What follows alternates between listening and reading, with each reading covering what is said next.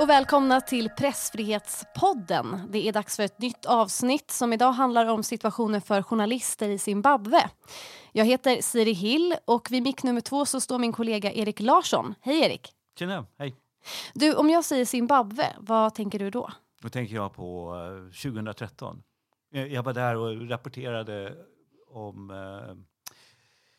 eh, eh, vad som hände i fackföreningsrörelsen då och det var väldigt våldsamma sammandrabbningar. Men framförallt så tänker jag på världens sämsta spion som jag träffade där. Eh, Okej, okay. berätta. Nej, men det, jag skulle göra någon så här ganska svår intervju eh, med en fackföreningsledare. Många av de som engagerar sig i facket de blir misshandlade liksom, och förföljda av Säkerhetspolisen. Och det var som eh, när jag kom var på väg upp på det där huvudkontoret, då följde det efter någon person som, eh, han var jätte, jättedålig på skugga. Han bara låg någon decimeter ifrån och när jag gick in på ett rum för att prata, försöka ta kontakt med den här personen, då följde han efter och det var så otroligt uppenbart. Det, det var den sämsta skuggning jag sett faktiskt. Skäms. Okej. Eh, Toppen. Eh, och med oss här i studion så finns ju också Karin Elving, journalist, översättare och vice ordförande för Reporter utan gränser. Hej Karin! Hej hej! Du, hur kommer det sig att vi pratar om Zimbabwe just idag? Jo, det var ju så att eh, i måndags så hade vi ett seminarium med anledning av eh, att den 2 november är dagen mot straffrihet för brott mot journalister. Och då hade vi bjudit hit en zimbabwisk journalist som lever i Frankrike, en exiljournalist eh, som skulle komma hit. Men eh, det satte ju pandemin stopp för, eh, så att hon fick vara med på länk. Men hon var i alla fall med på det här eventet och eh, pratade om situationen för journalister i Zimbabwe. Just det. Eh, kan du inte beskriva, Karin, vad skulle du säga att Zimbabwe är för slags land? Ja, man kan ju börja prata lite grann om Zimbabwes historia. Eh, Zimbabwe blev självständigt 1980 som ett av de faktiskt sista länderna i Afrika eh, söder om Sahara. Och eh, sen var ju Mugabe, Robert Mugabe president i 37 år och till början så sågs han som ganska progressiv av många västländer. Och han gjorde också en del bra insatser. Den till exempel höjde utbildningsnivån väldigt mycket. Idag är Zimbabwe ett av de länder söder om Sahara som har högst eh, läs och skrivkunnighet, nästan 90 procent. Eh, och man kan ju säga att länge var ju eh, Zimbabwe ett väldigt ekonomiskt välmående land. Det kallades Afrikas kornbod, bland annat. ja. Eh, och, men sen under de sista, framförallt eh, från slutet av 90-talet eller början av 2000-talet så kan man ju säga att han, eh, ja, landet gick in i en slags ekonomisk eh, kris. Han vägrade släppa ifrån sig makten eh, och eh, blev allt mer diktatorisk, eh, så att säga. Eh, och idag är landet eh, ett väldigt fattigt land där två tredjedelar lever i fattigdom och hälften av befolkningen eh, anses behöva matbistånd. Hur, hur, ser det ut med pressfriheten under Mugabes tid? Ja, man kan väl säga så här att eh, Zimbabwe hade även under Mugabes tid viss eh, vad ska man säga, privatägd press, självklart också statligt ägd press. Eh, men sen under slutet av 90-talet så var det många nya tidningar som startade. Det var ju samtidigt som oppositionspartiet eh, MDC också startade och det började också bli mer protester mot ett missnöje, visst missnöje mot, mot Mugabe. Mm. men sen kom ju då en rad, vad ska man säga, ja, nedslag mot liksom den fria pressen. Eh, bland annat så bombades eh, eh The Daily News, en privatägd tidning, eh, deras tryckpressar och de tvingades stänga. Journalister började förföljas, arresteras och eh, ja, misshandlas och så vidare. Så att, eh, sen kom ju Mugabe att kallas för the predator of the free press, alltså den fria pressens eh, rovdjur. Mm. Inte så smickrande. Verkligen inte. Nej, men nu eh, har det kommit en ny president. Sen eh, 2017 så tog ju, det var ju lite grann på tiden, för Mugabe var ju, eh, jag tror han var ja, en av världens absolut äldsta statschefer, så det var ju inte eh, en dag för tidigt att han så att säga lämnade makten. Så nu eh, har ju eh, Zimbabwe en ny president, eh, Mugabes tidigare eh, vicepresident. Just. Eh, eh, Emerson eh, Mwagwagwa, ja, vi har lite svårt att uttala efternamnet, men i alla fall, han kallas för krokodilen då. och vi har ju funderat lite grann på var det namnet kommer ifrån, men kanske för att han är en liten lumsk varelse som har legat och lurat i vassen, eller jag vet inte riktigt. Det, låter liksom... inte som någon höjdare att ersätta ett rovdjur med en krokodil. Nej, precis. Men de plockar liksom smeknamn ur djurrikets värld, ja. verkar det som. Ja, uppenbarligen. Men man kan ju säga att han, eh, den nya presidenten har ju så att säga utlovat reformer som skulle innebära mer respekt för mänskliga rättigheter och, och liksom, ja, bättre arbetsmöjligheter för journalister och så vidare. Men det verkar inte riktigt eh, ha gått i den riktningen för att journalister fortsätter ju att vittna om eh, övergrepp och eh, journalister arresteras fortfarande och så vidare så sent som i, eh, i år. Just det. Så att eh, hittills så har han mycket kvar att bevisa kan man ju lugnt säga. Mm. För att eh, det är ju så att eh, Zimbabwe ligger ju på plats 126 av 180 länder då i Reporter utan gränsens pressfrihetsindex. Och tidigare i veckan så tog jag faktiskt upp kontakten med den här zimbabwiska journalisten som vi hade med på seminariet för en egen intervju inför den här podden. Eh, och det är en journalist som heter Thelma Chikwanya som har jobbat som journalist i Zimbabwe då under 20 år och som lever i exil i Paris. Och vi skulle faktiskt kunna höra på vad hon själv säger om situationen för journalister i Zimbabwe. Journalism is one of the most dangerous careers a person can can get into because uh, the government in Zimbabwe, which is um, supposed to be a democracy, is not a democracy. It's a it's a military regime. It means that you are just seen as uh, an extra pair of prying eyes, you know, out to get the government. And especially journalists who write for international media, like I used to. So um, it's it, the government is really, really afraid of uh, of journalists. So that's the situation. That's the the environment that journalists are operating in. Karin, vad tänker du när du hör Thelma prata här? Jag kan ju säga så här att jag hade ju faktiskt jobbat med Thelma eh, under en tid, ehm, under 2016. Jag jobbar med många lokala journalister i olika länder i Afrika, Asien och Latinamerika som skriver för svenska medier. Och eh, just då under 2016 så var det ganska, hände det ganska mycket i Zimbabwe. Det var mycket gatuprotester mot president, eh, presidenten som fortfarande var Mugabe då. Eh, och, eh, så att hon skrev ganska mycket för svenska medier, jag översatte hennes texter och sen bjöd jag också hit henne till Sverige eh, under hösten 2016. Då. Och eh, under den resan så inträffade en rad dramatiska omständigheter kopplade till hennes eh, journalistiska verksamhet som gjorde att hon såg sig tvungen att söka asyl helt enkelt. Mm. Och vi kan inte gå in eh, så mycket på detaljerna kring det eftersom hon fortfarande har sin familj kvar i Zimbabwe och känner oro för dem. Men jag kan väl säga så mycket att jag, jag eh, påverkades ju själv väldigt mycket av att på så nära håll så att säga uppleva Selmas erfarenheter av att eh, vara förtryckt, eller vad man ska säga, som, som journalist, eller uppleva väldigt starka hot som, som eh, journalist. Eh, för jag, jag, såg ju hur otroligt utsatta zimbabwiska journalister är, men jag kunde också se hur väldigt stark den här övertygelsen att verkligen fortsätta verka som, som journalist och, hur, och liksom att upprätthålla journalistiken. Jag får ibland en känsla av att den, det är någonting som blir ännu viktigare i en, ett sammanhang där man ja, där den fria pressen är hotad helt enkelt.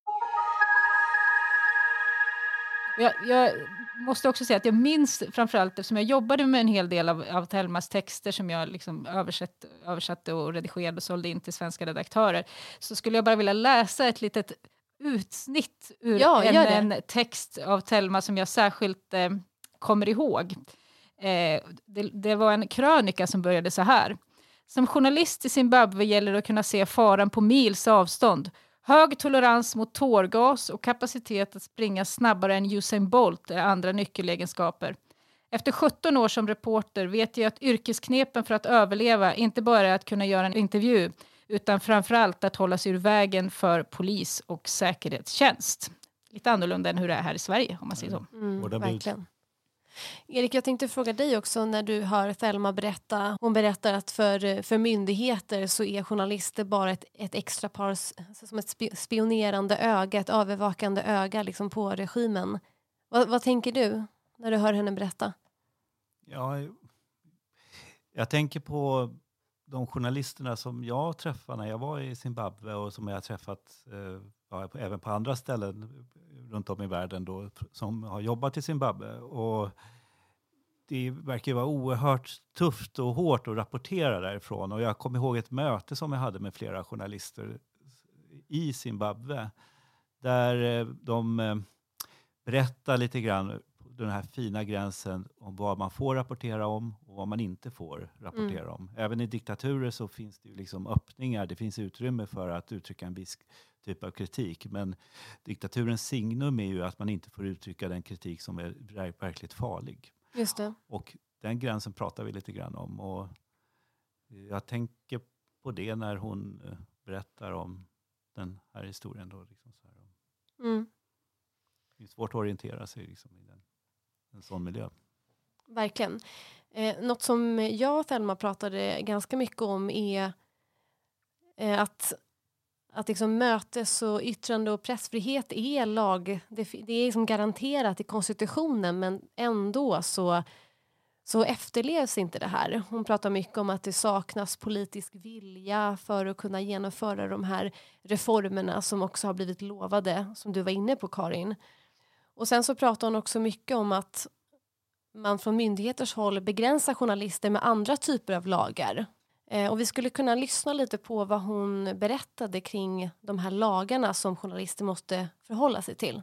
Nobody is allowed to practice journalism unless they have gone to the Media Information Com Committee. If you don't have that license, if you write a story or if you take a picture and you it's published, you will be arrested. And um, we also have a funny law uh, that allows the government to um, tap into your emails, to tap into your phone calls. They have everything. So um, there's there's nowhere to run. Once you become a journalist, you just have to make up your mind that um, and get ready for anything because it, it will come. Jag tycker att det är så starkt när hon berättar här att eh, man måste vara beredd för vad som helst kan komma på något sätt.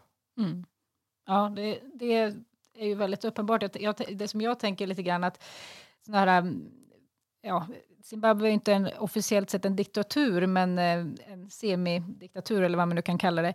Eh, att, alltså kreativiteten är ju ganska stor hos regimen att försöka hitta olika sätt att begränsa journalisters eh, yrkesutövning. Men man skulle också kunna säga att kreativiteten hos journalister att undkomma kontrollen också är ganska stor.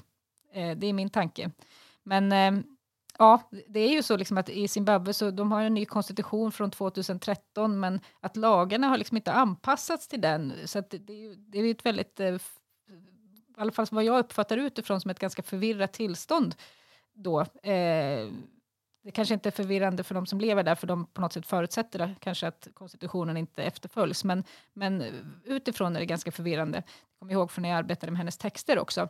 Eh, det finns ju som sagt en hel del lagar som liksom direkt motsäger konstitutionen. Jag vet att nu diskuteras en ny lag eh, som innebär att eh, en ökad kontroll över internet och sociala medier. Och det skulle ju, är ju också någonting som journalister oroar sig för att det skulle kunna påverka deras arbete. Mm. Jag tänker också på en annan grej som vi pratade om. Thelma sa att eh, så fort hon har tagit en bild eller hon har filmat en film så skickar hon den till någon kollega eller lägger upp på sociala medier för att den ska finnas dokumenterad. För att hon, hon sa att, då att när som helst så kan polis eller andra typer av myndigheter komma och beslagta min mobil, min dator och jag förlorar allt mitt material. Eh, och det är också en sån här sak som man själv tycker jag som journalist i Sverige känner sig så bortskämd med. Men de måste vara allt mer kreativa som du säger Karin för att kunna komma undan de här lagarna. Ja, jag tror att eh, det, i alla fall när jag har pratat med Telma så är det någonting som jag upplever att, att eh, det finns en rad sådana här strategier. Hon pratade också till exempel om att eh, när hon verkade i Zimbabwe att hon alltid parkerade bilen bakåt, liksom, så att man snabbt kan dra iväg om det händer någonting. Alltså, sån här rad liksom, konkreta strategier som liksom sitter i ryggmärgen, tror jag. Um, och där tror jag faktiskt, måste jag säga att vad det gäller att spara material så tror jag till exempel att tjänster som WhatsApp haft väldigt stor betydelse därför att du kan ganska snabbt eh, liksom prata in saker och så har du det ändå sparat eller du liksom skickar det till någon eller sådär. Just det. Att det har haft ändå ganska stor betydelse och det är kanske lite svårare att spåra också. Alltså jag har ju, nu ska jag inte komma in på det, men jag har ju följt Kuba ganska mycket och där är det ju en annan typ av begränsning av journalisters verksamhet och där är ju till exempel internet en väldigt viktig faktor i hur man begränsar journalister. Zimbabwe å andra sidan har ju en av Afrikas bästa liksom, internettillgång eller internettillgångar, eller vad man nu ska säga. Så att, och, och Uppkoppling. Där, ja, uppkopplingar, precis. Så, att, så att där, det är ju väldigt intressant. Liksom, där använder man ju vad det verkar också internet ganska mycket som ett sätt för att på olika sätt organisera sig och kanske också då hitta strategier som journalist för att eh, komma undan den här kontrollen. Verkligen, det är jättespännande där tycker jag. Um, jag skulle vilja ta upp detta med de protester, stora protester som har varit i Zimbabwe också. Där ju um, journalister har gripits och där också fackföreningsrörelsen har varit väldigt drivande på många olika sätt. Jag tänkte Erik, du jobbar ju som redaktör på Arbetet Global och skriver mycket om de här frågorna. Kan du inte beskriva vad är det som har hänt i Zimbabwe? Ja, det är sant. Eh, vi har haft eh, ganska omfattande Zimbabwe-bevakning och framförallt senaste året eh, för drygt ett år sedan så höjdes bensinpriset kraftigt i Zimbabwe och då blev det kulmen liksom på många års motstånd mellan fackföreningsrörelsen och eh, den sittande regeringen. Sådär. Och eh, facket uppmanade till generalstrejk och man gick ut i stora, stora protester. Så att eh, det, det har, fackföreningsrörelsen i, i Zimbabwe den heter CETA, CETA-CTU. Mm. som är den stora, organ, stora centralorganisationen som, där de flesta är med. Sådär. Eh, och eh, de har ju haft det oerhört tufft. Alltså många av de som är fackligt aktiva har gripits, misshandlats på olika sätt. Och det är ett av världens tio sämsta länder för fackföreningsrörelse att verka enligt världsfacket eh, ITUC, som det heter. Eh, jag vet inte, jag tänker också på... Jag, jag, jag har ju, jag har ju träffat flera liksom bondeledare som har varit i Sverige och jag har träffat flera andra fackliga representanter som kommer till Sverige, men även folk på plats. Och jag kommer ihåg ett möte som jag hade med en person som hette Gift Mutti. Och han var generalsekreterare för eh, lantarbetarfacket som hette Gappus. Och han var, berättade liksom om att han ständigt var hotad. Och jag kan ändå bli liksom imponerad av människor som lever under ett ständigt hot. Mm. Men ändå vågar agera och stå upp. Och han, eh, han... Får jag bara fråga, på vilket sätt var han hotad? Hur såg hotbilden ut? Eh, ja, han var ständigt förföljd. Eh, han st fick ständiga mordhot. Eh, när jag träffade honom, var jag, vi var tvungna att träffas på ett hotell. Vi kunde, jag kunde inte gå till eh, eh, hans fackexpedition liksom så här, av säkerhetsskäl. Liksom så här. Men då frågade jag honom flera gånger så här, eh, men är du inte rädd? Och standardsvaret när man pratar med fackliga eller med aktivister eller människorättsadvokater eller vad det är. Så de säger så här, nej jag är inte rädd, jag gör det här för eh, mina medmänniskor eller mina medlemmar och mm. jag tror på det här och då kan man inte vara rädd. Och, så där. och Han sa så först. Sen så fortsatte vi att prata och sen så började det krypa fram att jo, så jag är nog lite rädd. Och så berättade han om en incident som han hade varit med fem månader tidigare. Han hade stått och delat ut mat till medlemmar som behöver mat. Zimbabwe är ett väldigt fattigt land. Eh, och eh, då hade det kommit fram ett tiotal personer med påkar och knivar och hotat honom. Och han var väldigt skakad över det här. Alltså det, han trodde att han skulle bli mördad. Liksom så här. Och jag träffade många människor som hade varit med om liknande upplevelser. Men mm. det där var en, nästan en del av hans vardag nästan. Och jag kan fortfarande tänka på honom nu. Det var ett tag sedan jag träffade honom, men jag undrar vad han gör idag. Alltså hur, hur ser hans liv ut idag? Mm. Det, det vet vi inte. Det vet jag inte. Vet du om han lever? Ingen aning. Jag tycker det är så intressant det där fundera kring liksom hur man påverkas som journalist och som människa av att leva i olika typer av samhällen som du nämnde där med den här personen då som utsatt för ständigt hat och hot som blir misshandlad med påkar. Och jag tänker också samma sak som i, i Zimbabwe där, där, där situationen är väldigt ansträngd och att det måste bli som att man nästan tvingas att bli lite av en aktivist för att man själv är så påverkad av det som händer runt omkring en. Liksom. Eh, och det var ganska spännande där, för jag pratade mycket med Thelma Chikwanya om just det. Du kanske kan lyssna eh, om du, vad hon jag, sa? Eller? Ja, jag har ja. faktiskt eh, ett klipp. Vi kan lyssna. Ja? We, need to, we need somebody to bring us back to the drawing board to the ABCs of journalism because because of what's happening there's a lot of activism going on and I think that activism is good, but not in journalism, because we as journalists have a role to play in democracy. Our role is to say it as it is, without fear, without favor, without prejudice. And I think that uh, what is making more people uh, become activists is um, the situations that we are living in, and you know the things we are, we are also you know being affected by it. And also financially you know because people don't have money. If you find somebody who's going to pay you a hundred euros to, to say something to spin something in their favor you'll probably do it. Vad tänker ni om det här då? Jag tänker att hon har ju helt rätt, liksom att det är extra viktigt i ett land som Zimbabwe att göra skillnad mellan journalistik och aktivism. Men eh, samtidigt det är väldigt fattigt och eh, precis som hon säger, om man ger 100 euro till någon så, som är, har en stor skuld eller är hungrig så finns det ju en väldigt stor risk att man vinklar sin eh, rapportering. Och mm. Det är därför jag tycker det är så viktigt liksom, att man satsar på att bygga institutioner som på något sätt kan skydda journalistiken det är också viktigt att journalister, poliser och vårdpersonal att de har bra löner och arbetsvillkor så att de inte slipper dras ner eller i den här korruptionen som är så mm. omfattande i Zimbabwe. Karin, vad tänker du när du hör det här? Ja, jag tänker också, just som hon nämner, eh, att det, det är väldigt lätt att, att dras med och bli liksom aktivistisk som eh, journalist. Den risken finns ju för, för övrigt även i Sverige förstås. Eh, eh, men jag tänker ännu mer när man lever vad ska man säga, när det här påverkar ens eget liv så är det klart att, man, att det är svårt att bara förhålla sig neutral. Det, det, det tror jag är ganska mänskligt. Men samtidigt är det ju, som hon också nämner, det är ju väldigt viktigt att som journalist ändå kunna göra skillnad på sin egen roll. Och jag kommer ihåg att jag, när jag pratade med Telma vid något tidigare tillfälle så nämnde hon också just det här att, att det kan...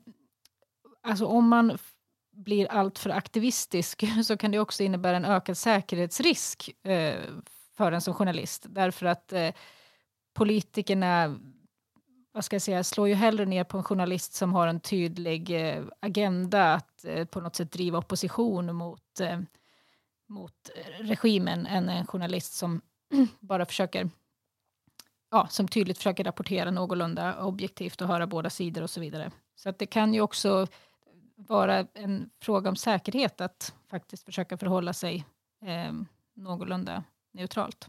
Mm. Hon berättade för mig att hon jobbade på en, eh, en, eh, en redaktion i Zimbabwe när hon var där, där det inte fanns någon, det fanns ingen redaktionsbil.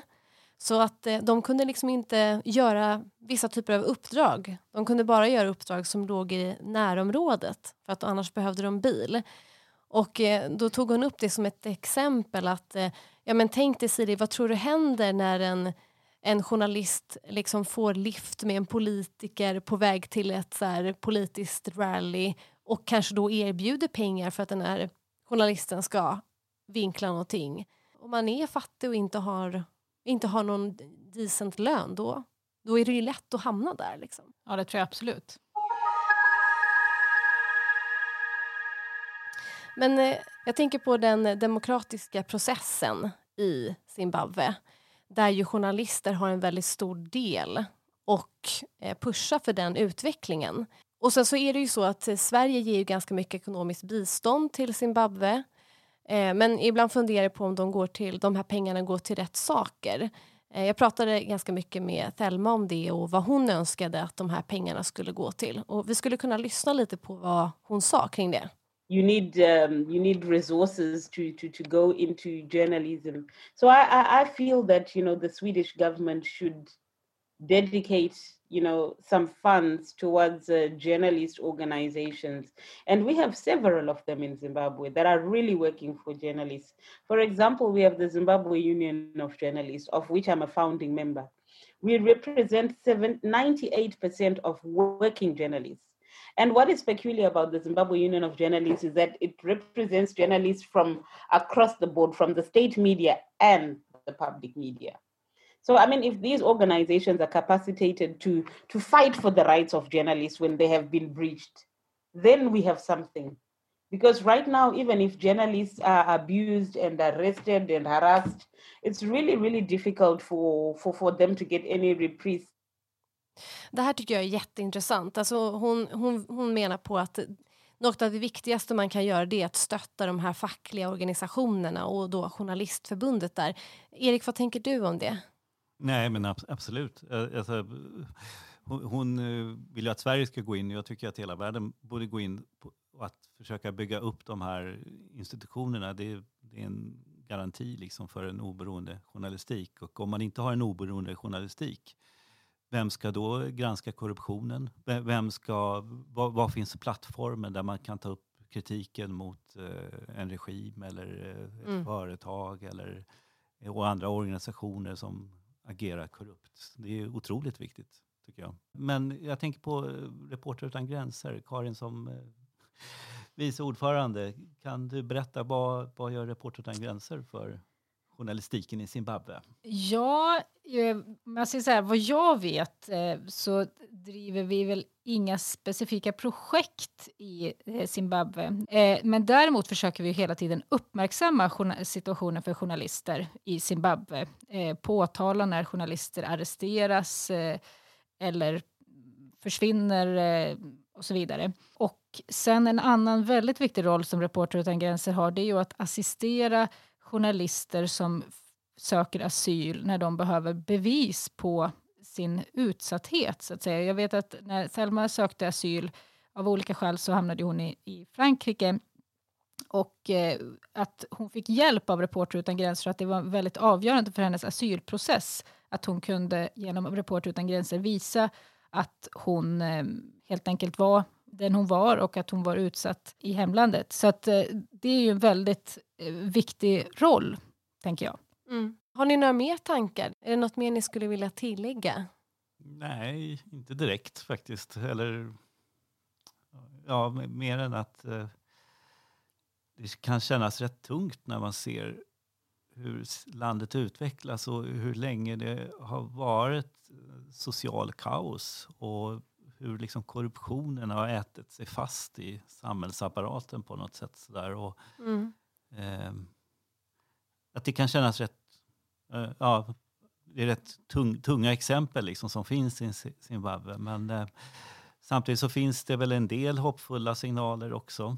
Eh, jag kan säga så här att jag har ju jobbat med en, en jag har följt eh, Zimbabwe både när jag jobbade med Telmas texter och sen har jag efteråt också fortsatt att jobba med eh, en annan journalist i Zimbabwe. Så att, och eh, man, alltså det är omöjligt att inte fascineras av, som jag sa, alltså både så de levnadsförhållandena, till exempel det här med att det, eh, alltså det inte går att ta ut, eh, det är väldigt begränsat hur mycket pengar man kan, hur mycket dollar man kan ta ut. Folk liksom står utanför bankerna, alltså de sover över utanför bankerna för att överhuvudtaget kunna ta ut 10 dollar och så vidare. Alltså det, det, det, alltså, livsförhållandena är väldigt... Eh, ja, det, det, är, eh, det är inte märkligt att folk protesterar, eh, om man säger så.